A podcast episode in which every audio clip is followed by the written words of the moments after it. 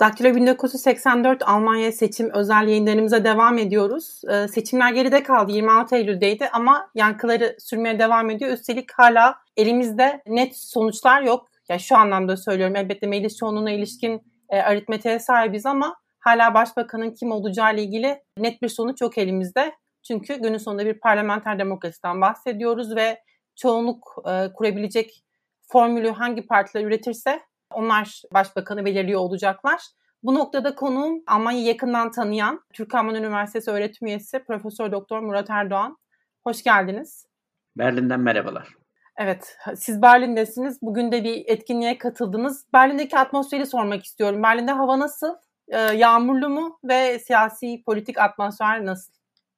Valla dün hava güzeldi, bugün biraz yağmurlu. Ama Berlin her açıdan, siyasi bakımdan zaten çok önemli bir yer. Dolayısıyla biz buraya geldiğimizde havasından daha çok o siyasi atmosfere bakıyoruz. Dün ve bugün burada önemli bir toplantı vardı. O toplantıda Türkiye'den gelen bir grupla birlikte hem Almanya-Türkiye ilişkileri, hem Türkiye-Avrupa Birliği ilişkileri, hem Türkiye'nin geleceğiyle ilgili epeyce bir beyin jimnastiği yaptık. O açıdan da gayet iyi, bayağı da memnunum. Yani yarın zaten dönüyorum Türkiye'ye. Türkiye'de biz anlamaya çalışıyoruz hani e, sonuçlar neler doğuracak, nasıl sonuçları olacak buradaki dış politika anlamında ama e, öncelikle şunu sormak istiyorum. Almanya'da demokrasiden yana olanlar, e, aşırıcılık siyasetinden mutsuz olanlar sonuçlardan mutlu mu? Bir değişim hissiyatı var mı? Bu sirayet etmiş mi? Bununla ilgili konuşabilir miyiz hocam biraz? Yani şöyle Almanya'da öyle çok ciddi değişimler zaten hiçbir zaman beklenmez. Almanya genelde makul bir zemin üzerinde gider. Bugüne kadar bütün hükümetleri koalisyon şeklinde kurmuş bir ülke. Dolayısıyla uzlaşmaya, işbirliği yapmaya açık bir ülke. Siyasetin kültürünün içinde koalisyon kültürü var. Almanya'da muhalefette olmak da kötü bir şey değil. Hani ya devlet başı ya kuzgun leşe gibi bir durum söz konusu değil. Çünkü Almanya'da devlet kaynak dağıtan bir kurum değil. Yani yandaşlarına, çevresine, akrabalarına bir pay dağıtabileceğiniz kurum değil. Almanya'da siyaset sistemi, ülkenin geleceği konusunda, ülkenin mevcut durumu konusunda katkı vermeye çalışan bir kurum. Öyle olunca illa iktidarda olmanız gerekmiyor. Hatta birçok parti çok bilerek ve isteyerek muhalefette kalmayı tercih ediyor. Demokrasinin çok önemli bir unsuru bu. Hani çok genel bir sözdür ya. İktidar partisi her yerde var ama muhalefet gerçekten muhalefetin var olduğu yerlerdir gerçek demokrasi. Almanya o açıdan ya bence iyi bir örnek. Almanya'da muhalefet her zaman çok güçlüdür. Hükümet muhalefeti sürekli bilgilendirir. Muhalefet her konuda belirli politikaları takip eder. Eğitimde, ekonomide, dış politikada, savunma politikasında ve bununla ilgili öneriler ortaya koyar. Ve her muhalefet partisi kendisini bir sonranın iktidarı olarak düşünür. Dolayısıyla buradaki denge e, denetleme sistemi hakikaten iyi çalışan ülkelerden birisi Almanya. E, bu açıdan da kimse öyle panikte değil. Yani bugün Olaf Scholz hükümet kursun ya da Armin Laschet hükümet kursun. Bu ne Almanya için göklere çıkacak bir şey ne yerin dibine batıracak bir şey. Zaten birisinin aldığı o yüzde 25, diğerinin aldığı o yüzde 24. Arada bir puanlık fark var. Dolayısıyla burada zaten iktidara gelen herkes aldığı o oyu temsil ettiğinin de farkında. Tabii ki Almanya'nın başbakanı olacak. Tabii ki Almanya'yı yönetecek ama atacağı her adımda müzakere etmesi gerektiğini, en azından Almanya'nın çoğunluğunun hoşuna gidecek, Almanya'nın çoğunluğunun işe yarayacağı bir politika belirlemeyi düşünecekler. Bu herkes için bir yükümlülük. O açıdan gerçekten Almanya'dan öğrenecek çok şey var. Almanya'daki demokrasi sistemini, özellikle koalisyon sistemini iyi gözlememiz lazım. Sizin yaşlarınız belki tutmaz ama bizim yaşlarımız tutuyor. Türkiye'de koalisyonlar dönemi çok da sevimli dönemler olmadı ve bu dönemlerde devletin içinde yer alan bütün o koalisyon unsurları her birisi kendi gruplarına çıkar dağıtmaya çalıştı. Onun için de kısa bir süre içinde de tıkanıyor böyle sistemler. Ama tek partili sistemin de bundan çok azade olmadığını anlamış olduk. Tek parti sistemi de hele uzun sürdüğünde e, hesap verilebilirlik bakımından, bağımsızlık bakımından, toplumun tamamını kavrama bakımından oldukça problemli bir şey gibi görünüyor. Bu anlamda Almanya'daki sisteme yakından bakmakta fayda var. Alman seçim sistemi zaten bir partinin öyle kolay kolay tek başına iktidara gelmesine izin vermiyor. Bundan kimse şikayetçi de değil. Yani koalisyon yapmak, müzakere etmek, karşılıklı tavizler vermek e, her yerde olduğu gibi burada da önemli bir şey. Yani bir parti mesela ekonominin işleyişinde daha çok emekçi kitlelere önem veriyor. Onların sosyal durumları, aldıkları maaşlar, emeklilik haklarına konsantre oluyor. Ama öbürü diyor ki tamam sen buna konsantre olabilirsin de bunun devam edebilmesi için ekonominin yürümesi lazım. Dolayısıyla ben de ekonomi çevrelerinin sözcülüğünü yapıyorum. Onların da gelişebilmesi için işte vergilerin düşmesi lazım, devletin teşvik politikalarının şöyle olması lazım vesaire vesaire.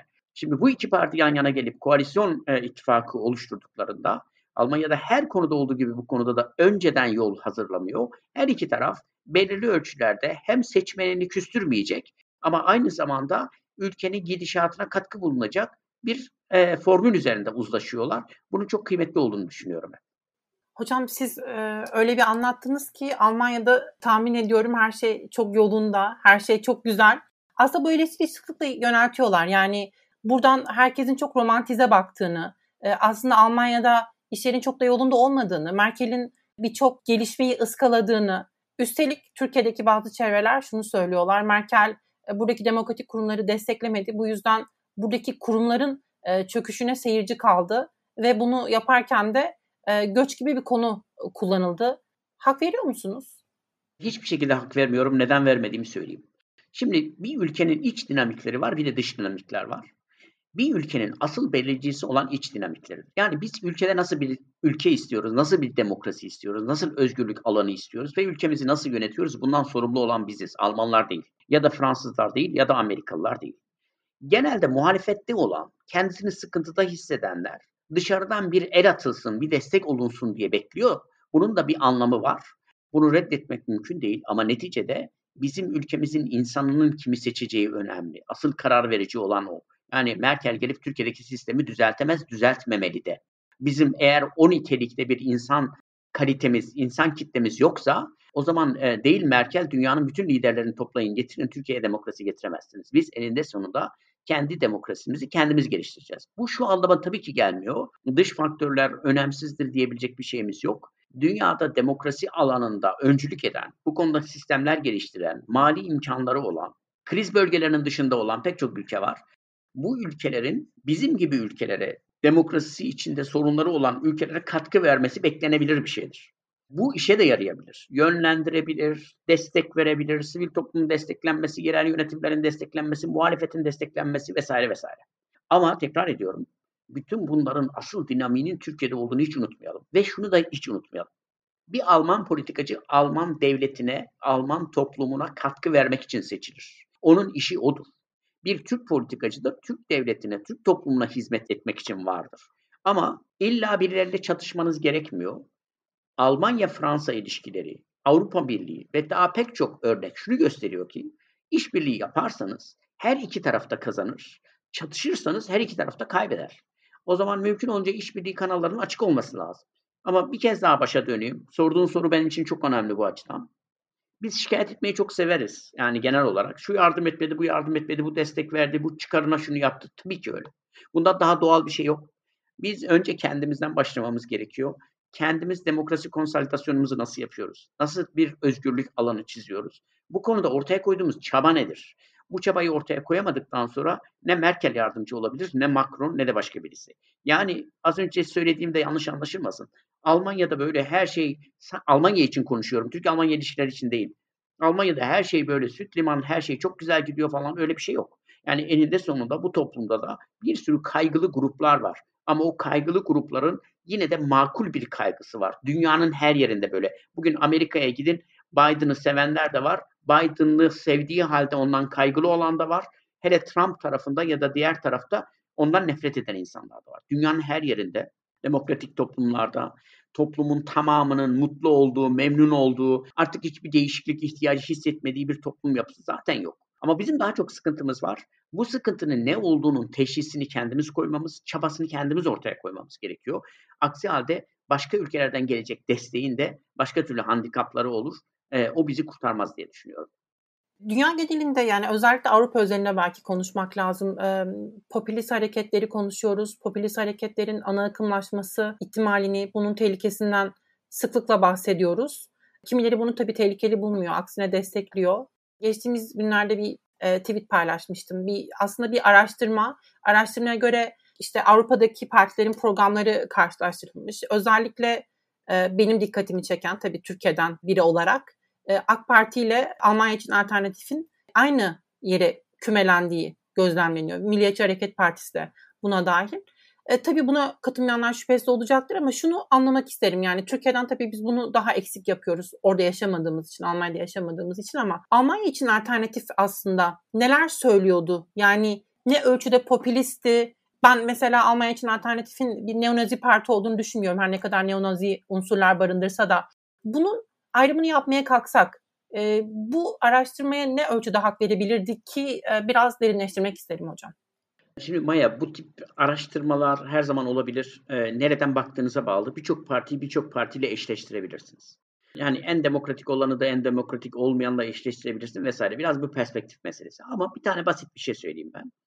Hani yerli ve milli diye bir yaklaşım var ya bizim son yıllarımızı bayağı domine eden Türkiye'de. Bu kavram Türkiye'ye ait bir kavram değil. Bu kavram şu an dünyanın pek çok ülkesinde var. Macaristan'a gidin var, Polonya'ya gidin var, hatta Amerika'ya gidin var. Yerli ve milli e, yaklaşımı partiler düzeyinde de hatta hükümetler düzeyinde de dünyaya her geçen gün daha çok egemen olan bir taraftan küreselleşme yaşanırken bir taraftan kendi içine kapalı ve kendi çıkarlarına konsantre olmaya çalışan bir yapı söz konusu. Şimdi AFD'ye baktığımızda ben ilginç bir şansım oldu. Seçimlerden iki hafta önceydi. Türkiye'ye bir heyet geldi AFD'den. AFD Genel Başkan Yardımcısı bir hanımefendi ve yanında iki milletvekili daha. Beni çağırdılar.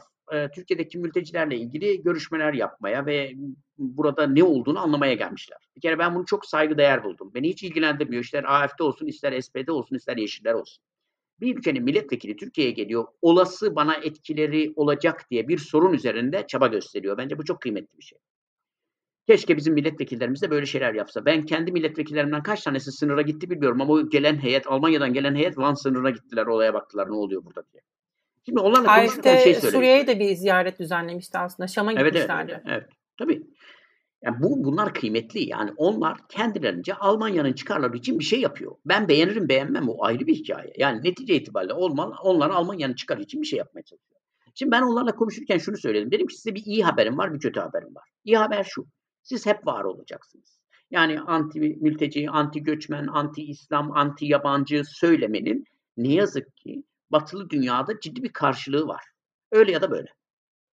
Ama kötü haber de şu. Bu göç akınları hiç durmayacak hep devam edecek. Dolayısıyla göç akınları devam ettiği müddetçe toplumlarda her zaman bu alana yönelecek, daha yerli, daha milli, daha bizcilik ve kimlik politikası üzerinden endişeleri ortaya koyacak partiler ve siyasi akımlar olacak. Bizde yok mu? Bizde de var. Daha da güçlenecek ne yazık ki. Öyle görünüyor. Hocam bu noktada bölmek istiyorum sizi. Şeyi soracağım aslında. Yani e, mesela dünyadaki popülist hareketlere baktığımızda e, göç karşıtlığı aslında önemli gündemlerden bir tanesi. Ama Türkiye'de yani siyaset bilimi çalışanlarca popülist karakterleri olduğu e, söylenen AK Parti için bu durum biraz daha tersten işliyor. Ben e, kendi adıma şöyle gerekçelendirdim bunu. Aslında sizin de yine bir analiz, analizinizden faydalanarak, bir aslında gözleminizden faydalanarak Davutoğlu başbakanlık yaptığı dönemde gerçekten bir göç politikası ortaya konulamadı diye düşünüyorum ben. Yani ilk başta belki biraz daha e, İslami soslu hayaller vardı. Sonra siz diyorsunuz ki şu kadarlık bir göçmen kotası vardı sonra sınırlar kapatılacaktı. Öyle olmadı. Ben AK Parti'nin göçmen dostu politikalar benimsemesinden çok e, burada e, bir başarısızlığın aslında olduğunu ve sonrasında bunun bu şekilde hani biz zaten göçmenleri çok seviyoruz. E, onlar işte Ensar vesaire şeklinde tarif edilmeye çalışıldığını ve bunun bir iç politikada bir tür başarı hikayesi olarak anlatılmaya çalışıldığını düşünüyorum. Bilmiyorum siz ne dersiniz? Şimdi Maya bu iş o kadar karmaşık bir şey ki e, birkaç cümleyle ifade etmek çok zor ama kısacık bir hikayeyi anlatmam lazım benim. Yani Türkiye'nin bir göç politikası olmadı, olmayacak da. Neden olmayacağını söyleyeyim. Biz bir göçmen ülkesi değiliz. Yani biz tutup buraya Almanya gibi, Kanada gibi, Yeni Zelanda gibi, Avustralya gibi göçmen almıyoruz. Biz bir sorunla karşı karşıya kalıyoruz. O sorun nedir? yakın bölgemizde bir takım siyasi krizler oluyor ve bir, biz bir pozisyon aldık o siyasi krizlerde. Suriye'de işte Esad yönetimi kendi halkına eziyet eder hale geldi. E, ve biz dedik ki bu konuda insanlar e, şeyden kaçıyor, zulümden, ölümden kaçıyor, kapımızı açacağız. Son derece doğru, temel insan haklarına uygun, uluslararası hukuka uygun bir büyük devletin yapması gereken bir şey yapıldı. Buraya kadar hiçbir sorun yok.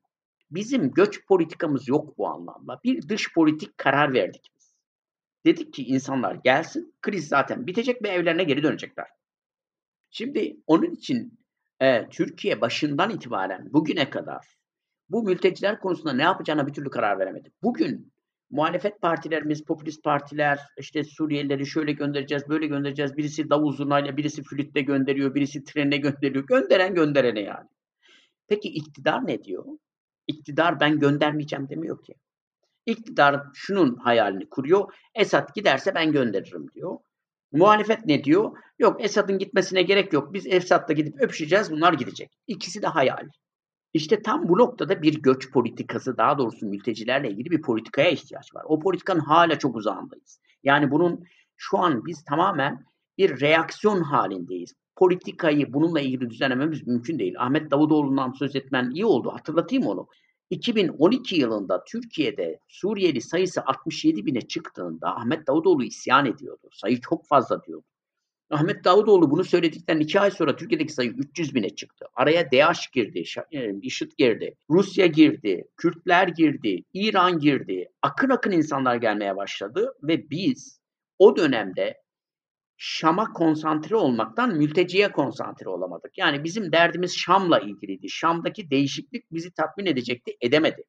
Ve bütün bu süreç bir insani politika olmanın ötesinde bir dış politika olayıydı. Konsept dış politikti. O konseptin arkasında da Arap Baharı'nın gerçekleştiği ya da öyle adlandırılan artık o bahar mı oldu, kış mı oldu ayrı bir tartışma ama o dönemde herkes bir heyecan içindeydi. Arap ülkelerinde diktatörler yıkılıyor, demokrasi gelecek. Mısır'da, Fas'ta, Cezayir'de vesaire vesaire. Bunun en son duraklarından birisi Suriye'ydi. Ve biz o kadar çok emindik ki dış politik olarak Suriye'deki rejim yıkılacak. Dolayısıyla Mısır'la başlayıp Suriye'de biten bir alanda Müslüman kardeşlerin ağırlıklı olacağı bir yeni Sünni Müslümanların yöneteceği bir Orta Doğu ortaya çıkacak ve bu Orta Doğu'yu da tabii ki biz yöneteceğiz. O dönemde bize gaz veren de çoktu. Amerikalılar da benzer görüşteydi aslında. Yani biz orada bir liderliğe soyunduk. Tekrar ediyorum. Bizim orayla ilgili politikamız mültecilerle ilgili bir politika değil. Tamamen bir dış politika atağı içindeydik. Bölgede egemen olacağız. O dönemde Avrupa Birliği ile ilişkiler tıkanmış. Türkiye kendine yeni bir alan açmaya çalışıyor. Suriye'deki kriz de bu alanın bir parçası haline geldi aslında. Ama sonrasında bizim dünyadaki kamuoyundaki değişimi okumakla ilgili sorunlarımız oldu. Bir anda IŞİD devreye girdikten sonra dünya kamuoyunda Esad gitmeli diyenler ağız değiştirdiler ve dediler ki önce IŞİD'in gitmesi lazım dediler. Dünya kamuoyunda Esad'ın orada kalması çok daha makbul bir hale geldi. Bugün bile artık birçok e, çevrede Esad'ın orada kalması ya da mevcut Suriye rejiminin devam etmesine yönelik bir konsensus oluştu. O zaman bizim planımız zaten kendiliğinden çöktü orada. Ama biz bu planda ısrar etmeye devam ettik. Aradan yıllar geçti, 10 sene geçti ve o 10 sene içinde biz insanları almaya devam ettik. Şimdi biz acaba hükümet çok mu mülteci dostu bir hükümet? Bu konuyu da tekrar tekrar düşünmemiz lazım. Bakın son birkaç zamanda bu mültecilerle ilgili tartışmalar artınca ve siyasallaşınca hükümet şunu söylemeye başladı. Yok ya o kadar da değil biz geride gönderiyoruz. Hatta sınırda pushback yapıyoruz. Bu bizim hakkımız şu kana kadar şu kadar insanı geri gönderdik vesaire vesaire. Bu ne demek?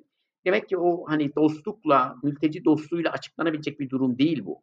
Biz bu konuda devlet olarak bir mücadele ortaya koyuyoruz ama o mücadelenin başlangıcında aşırı derecede insani hareketliliği küçümsedik. Şimdi onu çözmeye çalışıyoruz. Şimdi senin de söylediğin gibi önceki hikaye neydi? Zulümden kaçan insanlar. Ama zulümden kaçan insanlar yani bir süre sonra evlerine dönmesi lazım dönemediler. O zaman ikinci adım ensar e, adımı. Yani biz işte İslam kültüründen gelen bir toplumuz tabii ki kucağımızı açacağız, Müslüman kardeşlerimizi dışarıda bırakmayacağız. Okey. Peki o Müslüman kardeşler niye diğer İslam ülkelerine gidemiyorlar? Bu soruyu soramadık.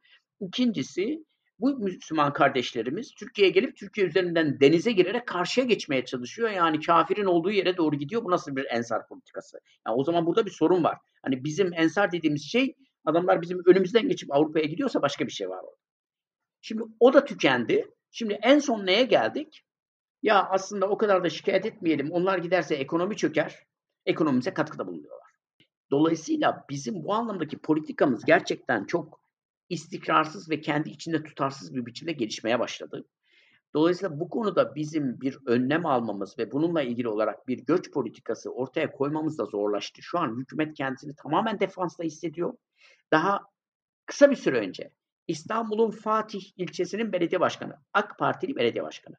Ben burada artık hiçbir şekilde yabancılara ev kiralanmasına izin vermeyeceğim dedi. Ya bu çok büyük bir olay aslında. Neredeyse Bolu Belediye Başkanı'nın söylediğinin benzeri bir şey. Bu anlamda sınır tanımıyoruz yani. Gayet birbirimize benziyoruz. Merkezi hükümetin, Ankara'daki hükümetin dış politika öncelikle ortaya koyduğu bu politika şu an yerel yönetimlerde özellikle bir krize neden oldu. Ve bu bütün dönemler içinde AK Parti'yi en çok sallayan konuya dönüştü. Bunu da muhalefet atlamaz. Eninde sonunda bu bir pastadır. Avrupa'da olduğu gibi bizim ülkemizde de bütün partiler bu pastadan pay almaya çalışıyor ve kriz daha da büyüyor ne yazık ki. Yani o zaman şöyle mi demek lazım? Popülist hareketler e, dünya genelinde göç karşıtı olmasına karşın Türkiye'de Türkiye e, Orta Doğu ile sınırları olan bir Avrupa ülkesi olarak sürecin bir izleyicisi noktasına mı döndü? Nok, hükümet en azından AK Parti özelinde söylemek gerekirse bir izleyici haline geldiler ve bu yüzden mi aslında Türkiye'deki popülist hareket bir göç karşıtı etiketiyle sahneye çıkamıyor?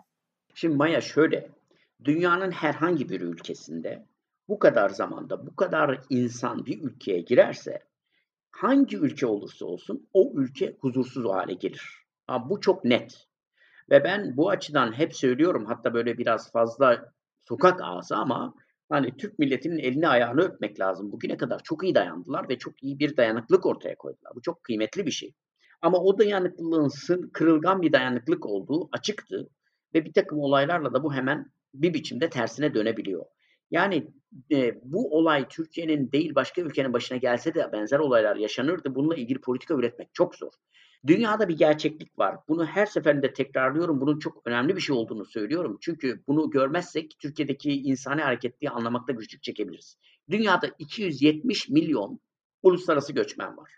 Uluslararası göçmen ne demek? Sen bir yere gitmek istiyorsun. Gittiğin ülkede sana diyor ki tamam gel diyor.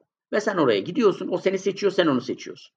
Gidip orada o ülkenin ekonomisine katkıda bulunuyorsun, kendine katkıda bulunuyorsun. Uluslararası göçmen bu açıdan dünyanın en önemli ekonomik dinamiklerinden birisi ve bu konuda hiç kimsenin sorunu yok.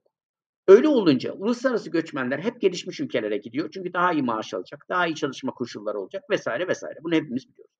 Ama dünyada 30 milyon civarında mülteci var. Bu mültecilerin nerede olduğuna baktığında bir bakıyorsun ki sadece %14'ü gelişmiş ülkeler. Neden böyle? Çünkü kontrolsüz insani hareketlilik devletlerin hiçbir şekilde tercih etmediği bir şey ve risk olarak gördükleri bir şey. Tehlike olarak gördükleri bir şey. Bir anda ben seçeceğim insanı almak istiyorum diyor. Bir anda kapımın önünde bulmak istemiyorum bunları diyor. Avrupa Birliği geçen sene 2 milyon göçmen aldı. Bir sene içinde 2 milyon Avrupa Birliği üyeleri dışındaki ülkelerden göçmen aldı. Ama aynı Avrupa Birliği 30 bin bile mülteci almadı. Mültecilik olayı sürekli herkesin birbirine ittiği bir şey. İşte Avrupa Birliği'nin şu anki tavrı da öyle biliyorsun. Sudan'dan bir tane göçmen bir tane mülteci olduğunda tabii ki göçmeni alıyor ama mülteciyi istemiyor. Aynı ülkeden, aynı yaşta, aynı ölçülerde, aynı entelektüel kapasitede olsun fark etmez. Mültecilik işi problemli bir şey. Zorunlu göçe mağdur olan insanlara maruz kalmak problemli bir şey. Onun için şu an Türkiye'de süreç yönetimi öyle kolay bir şey değil. Bugüne kadar süreç yönetimi konusunda toplumun dayanıklılığı ve bürokrasinin olağanüstü çabasıyla ve bir de gelen Suriyelilerin bugüne kadar gayet makul bir performans sergilemelerinden dolayı çok fazla olay yaşamadık. Yani kriminalite konusunda çok düşük sayılarda kaldılar. İnsanların işini elinden almak konusunda gayet e, şey olduğu fazla bir sıkıntı yaşanmadı vesaire vesaire. Bütün bunlar toplumdaki kabulü daha yukarı bir noktaya taşıdı. Ama bu işin politize olması kaçınılmaz bir şeydi. Eninde sonunda politize olacaktı. Şu an bütün partiler bunun üzerinden konuşuyor. AK Parti de bu konuda mümkün olunca sessiz kalmaya ya da ya o kadar da söylemeyin bak ama bizim bize de katkıları oluyor demek dışında da çok fazla bir şey bulamıyor. Onun için bizim bir göç politikamız değil, dış politika tercihlerimiz oldu. O dış politika tercihleri de bizim tasarladığımız kontrolün dışında ilerledi. O zaman ben tekrar aynı soruya döneceğim. Ee, şunu anlamak için soruyorum aslında. Yani dediğim gibi e, dünya genelinde popülist hareketleri sınıflandırırken anti göç üzerinden sınıflandırma yapmak belki makul ama Türkiye için böyle yapmamalıyız mı? Ee, şeklinde nitelendirmekle olayı değerlendirmek lazım. Siyaset bilinci gözlüğüyle soruyorum. Yani şöyle, e, göçmenler, mülteciler her zaman e, günah keçisi aslında. Sonradan gelenler bir sorunla karşılaşıldığında ilk hedefe oturtulanlar oluyor. Şimdi bizim göç alanında çok kullandığımız bir kavram var. Securitization yani güvenlikleştirme. Mesela Almanya'daki Türkler yıllardır buradalar. Alman toplumuna bir zararları yok. Tam tersine katkıları var ama buna rağmen AFD de dahil olmak üzere bir takım partiler hep oldular. Ve Türkleri bir sorun olarak ortaya koydular. Gerçekten sorun mu değil mi? Biz Türk olduğumuz için söylemiyorum bunu ben. Türkiye'lerin, Almanya'daki Türklerin Alman toplumuna bence uyum süreçleri gayet başarılı. Tabii ki sorun alanları var. Dünyanın her yerinde olduğu gibi. Ve Alman toplumuna da çok ciddi katkılarda bulunuyorlar. Ama buna rağmen bunu bir güvenlik sorunu olarak ortaya koyduğunuzda bu bir inşadır. Güvenlik inşası. Biz buna securitization diyoruz. Güvenlikleştirme. Ama mülteciler söz konusu olduğunda toplumun bu konuda bir güvenlik algısına kapılması gayet doğal bir şey. Çünkü bir anda sizin sınırlarınızdan insanlar geçiyor ve siz bir kontrolsüzlük alanı görüyorsunuz. Gelen insanlarla ilgili bir politikasızlık insanları tedirgin ediyor. Bir anda hiç tanımadığı, bilmediği, içinde ne olduğunu bilmediği milyonlarca insanla karşılaşıyor. Toplumun bu konuda tedirgin olması kadar doğal bir şey olamaz. Dolayısıyla bunu yönetmek daha zor bir şey. Göç konusunda o zaman partiler çıkarlarına yani işlerine geldiği gibi e, bunu bir popülist e, malzeme haline getirebilirler ve bunu e, en popülist, en demokratik, popülist olmayan, en demokratik olarak nitelendirdiğimiz partiler bile gündemlerine alabilirler diyoruz belki de. E, Maya bunun birçok örneği var. Hatta şunu söyleyeyim. Şimdi şu anki iktidarın en çok kullandığı sloganlardan birisi nedir? Yerli milli değil mi?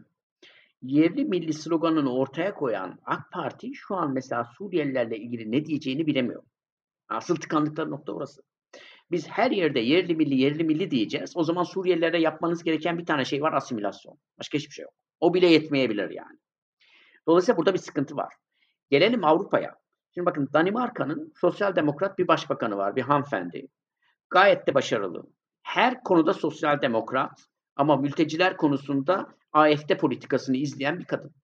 Diyor ki Danimarka için sıfır mülteci politikası izleyeceğim. Hatta biliyorsun orada bir takım çalışmalar yapıldı. E, Suriye'nin belirli bölgelerinde savaş yok oraya gitsinler denildi ya da başka bir adaya gönderilerin denildi vesaire. Genelde bütün ülkeler mültecilerden endişe ediyorlar. Şimdi biz de endişe ediyoruz. Bu endişeyi biraz geç kavradık biz. Şu an Türkiye'nin her tarafına duvar örülüyor. Her tarafına duvar örülüyor dünyada en fazla duvar örülen ülke haline geldik biz. Bu konuda bir dünya rekoru kırdık. Keşke kırmasaydık. Ama biz başlangıçta kucağımızı açtık. Tabii ki gelsinler ne demek derken o gün onu söyleyenler de bu kadar çok insanın geleceğini de beklemiyordu. Bu kadar çok kalacaklarını da beklemiyordu. Bunu geçici bir sorun olarak görüyorlardı. Gelecekler bir süre sonra bir Esad yenilecek, bunlar gidecekler ve biz kahraman olacağız diye düşünüyorlardı. Bunun prestij mücadelesi toplumun bu konuda neler yapacağını ihmal etmeye neden oldu. Bir şey daha söyleyeyim. Şimdi bizim hükümetimiz bazen işte Avrupalılarla, dünyayla konuşurken e, diyor ki mesela işte biz 20 milyar dolar harcadık, 30 harcadık, 40 harcadık, 50 harcadık falan. Güzel. Şimdi bunu Avrupalılara ya da dünyaya böyle anlatıyoruz ve diyoruz ki bakın görün biz ne kadar büyük bir fedakarlık yapıyoruz. Peki Türk toplumu bunu nasıl görüyor? Türk toplumuna bunu anlatmanız çok zor. Şu an AK Parti'nin içinde bulunduğu en büyük sıkıntılardan birisi bu. Toplum bu kadar ekonomik sıkıntı, bu kadar yoksul varken bu memlekette sen neden böyle bir para harcıyorsun kardeşim diye soruyor. Bunun hesabını vermek çok kolay bir şey değil. İnsani politika diyebilirsiniz, başka bir şey diyebilirsiniz ama bunun bir sınırı var. Dolayısıyla e, bu konularda e, devletin ortaya koyduğu politika hiçbir zaman e, uzun vadeyi düşünerek yapılan bir politika olmadı. Onun için bugün kendi seçmenine anlatmakta güçlük çekiyor. Şimdi yabancılar konusu bizde bugüne kadar bir sorun olarak hiç algılanmadı yani son 10 seneye kadar. Ama artık bundan sonra yabancılar konusu Türkiye'nin demokrasisinde de her zaman sorun alanlarından birisi olarak kalacak gibi görünüyor. Bu konuda ben hani karamsarım. E, Türkiye'deki Suriyeliler başta olmak üzere yabancıların Türkiye'den çok kolay kolay ayrılmayacağını düşünüyorum. Hatta Suriyeliler konusunda neredeyse hiç şüphem yok çok istisnai birkaç grubun geri gitmesi ya da ne bileyim başka ülkelere gitmesi dışında asıl büyük kitlenin Türkiye'de ilelebet kalacağına dair gayet netim ben. Bunu bir tercih olarak söylemediğimin de altını çizeyim. Bu bir vaka. Bu insanların kendi ülkelerine dönebilmesi için e, En az 10 sene ihtiyaç var. O zaman Türkiye'de yaşam süreleri 20 yılı bulacak. Türkiye'de yani bu sayıları her seferinde veriyorum. 650 binden fazla bebek doğdu Suriyeli. Türkiye'de 770 bin Suriyeli çocuk Türkçe eğitim alıyor devlet okullarında. 1 milyonun üzerindeki Suriyeli çalışıyor ve Türkiye'nin her tarafına dağılmış durumdalar. Sınır bölgesinde değiller. Dolayısıyla bu insanlar Türkiye'de kalıcı olacaklar. Kalıcı olmalarıyla birlikte bu konu hem popülist partilerin bir malzemesine dönüşecek ama bir noktayı hiç ihmal etmeyelim. Asıl riskin ben orada olduğunu düşünüyorum. Suriyelilerin kendi içinde bir milliyetçilik geliştirme, ötekisi Türkler olan bir milliyetçilik geliştirme riski de çok yüksek. Asıl bizim şu an onun önlemi için mücadele etmemiz gerekiyor diye düşünüyorum. Yani gettolaşmanın yoğunlaşması belki. Ee, Tabii ki. Çeteleşmenin artması. Yani şöyle Maya, şimdi Türkiye'deki Suriyelilerin ilk 10 yılı çok e, suç oranları bakımından çok ideal şekilde geçti. Ama bu hiç şaşırtıcı bir durum değil. Yani dünyanın her yerinde göçmenler bir ülkeye gittiklerinde ilk zamanlarda zaten çok dikkatli oluyorlar. Bu konuda gayet şey oluyorlar. Yani bu etnisiteden, dinden bağımsız bir şey. Gayet insani bir durumdan söz ediyorum. Önümüzdeki yıllarda hem getolaşma, hem ötekileşme, hem ekonomik sıkıntılar o gruplar içinde başka türlü eğilimlerin ortaya çıkmasına neden olacak. Bir de hani bizim millet olarak hep korktuğumuz bir şey var ya işte dışarıdan karışıyorlar ediyorlar bilmem ne. Suriyeliler en kolay kaşınacak gruplardan birisi olacak. Ne yazık ki ileriki dönemler hep olacak bu. Onun için dış mihraklar bizim, meselesinden bahsediyoruz. Aynen aynen. Aynen aynen. O dış mihrakların en rahat oynayabileceği alan olacak. Dolayısıyla bu konuda gerçekten konuyu ciddiye almamız lazım. Muhalefetin de bu konuyu ciddiye alması lazım. Muhalefette şöyle bir kolaycılık var. Erdoğan bunları getirdi geri göndersin. E, tamam Erdoğan sonrasında sen ne yapacaksın geri göndermediyse? Bununla ilgili konsept geliştirmen gerekiyor. Bu sadece Erdoğan bunu yaptı bundan sorumludur tamam olabilir. Ekonomi için aynı şeyi söyleyebiliyor musunuz mesela? Ekonomide Erdoğan ekonomiyi mahvetti. O düzeltsin. Düzeltmedi. Ne olacak? Siz düzelteceksiniz. Düzeltmek için bir program ortaya koyacaksınız. Mülteciler konusunda da benzer bir durum var. Gerçekçi olacaksınız. Türkiye'nin geleceğini düşüneceksiniz. Ve o insanlar bu ülkede yaşayacaksa o zaman biz huzur içinde nasıl bir arada yaşayacağız? Bunun modeli nedir? Bunun arayışı içinde olacaksınız. Bu kadar basit değil. Yani o yaptı, o temizlesin. Keşke her şey bu kadar kolay olsa öyle gerçekleşmiyor bu işler. Seçimler seçim döneminde aslında Almanya'da tekrar hem göçle bağ- bağlamak istiyorum bu konuyu. Almanya seçimlerinde dış politika az konuşuldu. Ee, Türkiye belki o kadar gündemde değildi. Ee, göç anlaşması ile ilgili de şu an koalisyona katılma ihtimali olan partilerin tutumları e, çok farklılık arz etmiyor. Belki Yeşiller e, daha farklı değerlendiriyordur birazcık ama e, tam anlamıyla bir farklılık görmüyoruz. Bu noktada göç anlaşmasının yeni koalisyon hükümetinde tekrar gözden geçirilmesini ya da iptal edilmesini bekliyor musunuz? Ee, hiç önemli bir değişiklik beklemiyorum ben Almanya'da da Avrupa Birliği'nde de. Ee, bu konuda Almanya kendisini daha fazla risk altında hissediyor. Dolayısıyla e, çünkü Avrupa'ya giden e, göçmenlerin çok büyük bölümünün, mültecilerin çok büyük bölümünün hedef ülkesi Almanya. Almanya bu konuda zaten çok büyük bir kitleyi misafir etmiş durumda. Bunun daha fazlasını da kabul etmeyecekler. Almanya'daki bütün siyasal partiler çok net bir şey söylüyorlar. 2015'i bir daha asla yaşamak istemiyoruz tamam mı? 2015 ne demek? Türkiye üzerinden Avrupa'ya akan mülteci akınının en yoğun olduğu yıl. 2015'i bir daha yakalamak, yaşamak istemiyoruz diyorlar. O sene bir sene içinde yaklaşık 1 milyon insan geçti. Ee, Avrupa'nın hiçbir toplumu, Avrupa'nın hiçbir siyasetçisi böyle bir e, kontrolsüz insani hareketliliğe sıcak bakamaz. Bununla ilgili olarak yeni bir şey yapmaya kalkmaz. Ne yapacaklarını söyleyeyim. İster sosyal demokratlar iktidara gelsin, ister Hristiyan demokratlar. Hiç fark etmez. Hepsi de bu konuda Türkiye'ye destek olalım, Lübnan'a destek olalım, Ürdün'e destek olalım ama buraya gelmesinler yapacak. Ne pahasına? Çünkü e, yani mesela Yeşiller özellikle Erdoğan, Putin, Orban bunları hep aynı kategoride değerlendiriyorlar ve bu rejimlerin bu rejimlerle ilişkilerde çok daha katı olması taraftarlar. Üstelik e, koalisyona katılma, e, koalisyonların kurulma kurulma durumlarında Yeşillerin en büyük ikinci ortak olması bekleniyor. Bu durumda Dışişleri Bakanlığı koltuğunu Yeşillerden bir siyasetçinin alması bekleniyor. Ve Yeşillerin tavrı popülist siyasetle mücadele, e, demokrasi mücadelesini büyütme kendi ifadeleriyle.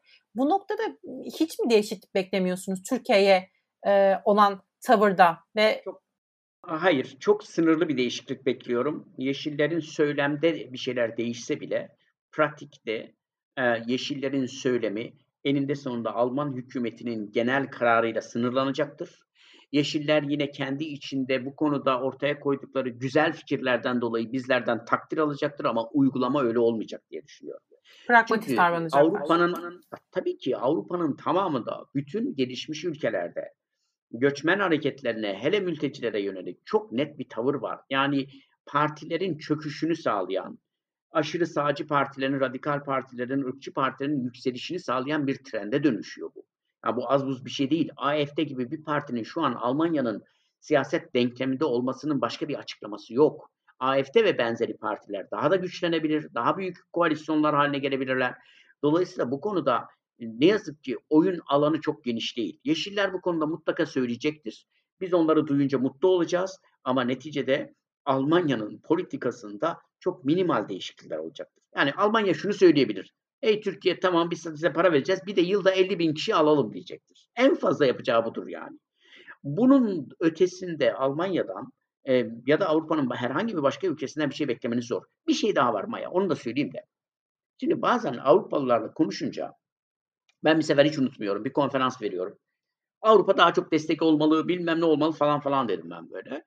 Ee, konferansın bitti. Bir Alman diplomat yanıma geldi. Murat dedi bir şey soracağım sana. Biz neden destek olmalıyız dedi. Nasıl yani dedim yani. Destek olmanız lazım. Tamam dedi. Küresel dayanışmadan söz ediyorsun değil mi? Evet. Peki dedi siz mesela Rusya'dan destek istiyor musunuz? Amerika'dan destek istiyor musunuz? Çin'den destek istiyor musunuz? Arap ülkelerinden destek istiyor musunuz? Siz sadece bizden destek istiyorsunuz. Ama bizim bu konuda bir sorumluluğumuz yok. Sadece kendimizi korumaya çalışıyoruz. Yani biz Suriye krizinden sorumlu değiliz ki. Biz kendimizi korumak için destek vermeye çalışıyoruz. Ama bunun daha fazlasını ne hangi amaçla vereceğiz? Şimdi ben yine de bundan tabii ki tatmin olamam. Hala ben o küresel dayanışmanın ve o ülkelerin Türkiye'ye destek vermesinin gerekli olduğunu düşünüyorum. Ayrı bir hikaye. Ama onların gözüyle bakmayı da biraz öğrenmemiz lazım. Avrupa dediğin şey o duygu duyguyla hareket etmiyor yani. Bu işi ülkesinin geleceği bakımından bir yere koymaya çalışıyor. Türkiye'deki tüm gelişmeler de Avrupa'yı etkiliyor aslında. Yani e, Suriye ile ilgili bakışta pragmatist davrandıklarını ve çıkarlarına uygun davrandıklarını bu yüzden yardım ettiklerini savunuyorlarsa aynı şey Türkiye için de geçerli. Daha farklı değil ki. Şöyle e, bazen Türkiye'nin tırnak içinde söylüyorum bunu. İlla herkesin kabul etmesi gerekmiyor maceracı dış politikasının, aksiyoner dış politikasının, agresif dış politikasının bölgede sorunlar yarattığını ve bu sorunların hem Türkiye'yi hem kendilerini ilgilendirdiğini, etkilediğini söylüyorlar. Yani e, siz eğer komşularınızla sürekli sorun içindeyseniz o zaman o sorunlar bize de yansıyor. Biz niye bunun sorumlusu olalım diyor. Mesela bu son dönemde Afganları çok konuşuyoruz ya. Yani bir Avrupalı diplomat bana şey söyledi. Dedi ki siz sınırlarınızı koruyamıyorsunuz. Sonra dönüp bize diyorsunuz ki bize dayanışma verin. Ya ama siz sınırınızı korumakla siz yükümlüsünüz. Biz değiliz. Siz bunu yapmayınca biz bunu nasıl koruyacağız? Şimdi dolayısıyla bu önümüzdeki dönemde e, Almanya'daki iktidarlardan bağımsız bir biçimde Türkiye'ye yönelik desteğin genel çerçevesi yine para olacak. insan olmayacak. Bu konuda Türkiye'nin etrafında ortak sınır yönetimi, ortak göç yönetimi, mülteci yönetimi konusunda Avrupa ile daha çok ilişkimiz olacak. Bize daha anlayışlı davranacaklar. Ama bunlar radikal bir dönüşümü beklemek çok ciddi bir hayal kırıklığı olur. Elinde sonunda her politikacının kendi ülkesinin çıkarı için hareket ettiğini unutmayalım. Bir de Türkiye'nin hani dert bir değil elvan elvan hani Türkiye'deki sorunlar sadece mültecilerle ilgili değil. Türkiye'de başka sıkıntı alanları var. Bütün bu sıkıntı alanlarıyla ilgili bir uzlaşı diplomasisi izleniyor. Mültecilerle ilgili şunu yapacağız, Avrupa Birliği ile ilgili şunu yapacağız, işte ne bileyim ben Türkiye'deki insan hakları ile ilgili şunu yapacağız, ekonomi alanında da şunu yapacağız diye. Şimdi Almanya'da Merkel dönemini biz nasıl geçirdik? Pragmatik bir biçimde geçirdik. Merkel dedi ki Sosyal Demokratlar, Dışişleri Bakanlığı eleştirin eleştirebileceğiniz kadar Türkiye'yi eleştirdiler. Ama ben ticaret yapacağım dedi. Ekonomi Bakanlığı SDU'ya bağlı ticaret devam etti. Merkel kendisi de dedi ki bizim için şu an en büyük sıkıntı nedir? Mülteciler. Tamam ben giderim Erdoğan'la görüşürüm. Pazarlık ederim. Tekrar görüşürüm. Tekrar görüşürüm. Önemli olan ülkemin risklerden azade olması. Bu konuda Türkiye ile görüşeceksem, Türkiye ile başka yerle görüşeceksem orayla görüşeceğim. Ama bu her ülkenin korumacı e, sistemlere döndüğünü unutmayalım. Biz de dahil olmak üzere her ülke kendisini korumaya çalışıyor. Ve şunu söyleyeyim. Türkiye bazen işte bir tehdit ediyorduk biz açarız sınırları diye. Bunu bir denedik biliyorsun. Şimdi o deneme olayı o kadar enteresandı ki. İdlib'de e, bizim askerlerimiz Suriye ve Rus e, birliklerinin saldırısına uğradı. 36 elimiz şehit edildi. Bunun haberi Türkiye'ye geldikten 7 dakika sonra, sadece 7 dakika sonra Türkiye dedi ki ben sınırlarımı açıyorum dedi. Şimdi askerimizi vuran Ruslar ve Suriyeliler ama biz cezayı Avrupalılara kesmeye çalıştık. Avrupalıların bizim askerlerimizin ne orada olmasını isteği vardı ne de bu politikada bir tarafı var yani. Ha, biz Avrupa sınırını açacağız dedik. Bunun iç politikada işe yaradığını gördük. Herkes unuttu 36 gariban askerimizi, şehidimizi. Aa yaşasın bunlar sonunda Avrupa'ya gidiyorlar dedi. Peki gidebildiler mi? Çok minimal sayılarda gidebildiler. Çünkü Avrupa artık öyle bir noktaya geldi ki o Avrupa'nın yüksek değerleri, hukuk, insan hakları falan umurunda değil. Frontex ve diğer bütün güçleri devreye sokarak her türlü insan hakları ihlalini yerine getirerek bu süreci engellemeye çalıştılar. Çünkü dediler ki bu bize karşı kötü niyetli bir saldırı. Türkiye bu işi araçsallaştırıyor. Biz buna izin vermeyeceğiz dediler. Avrupa'daki genel tavır böyle.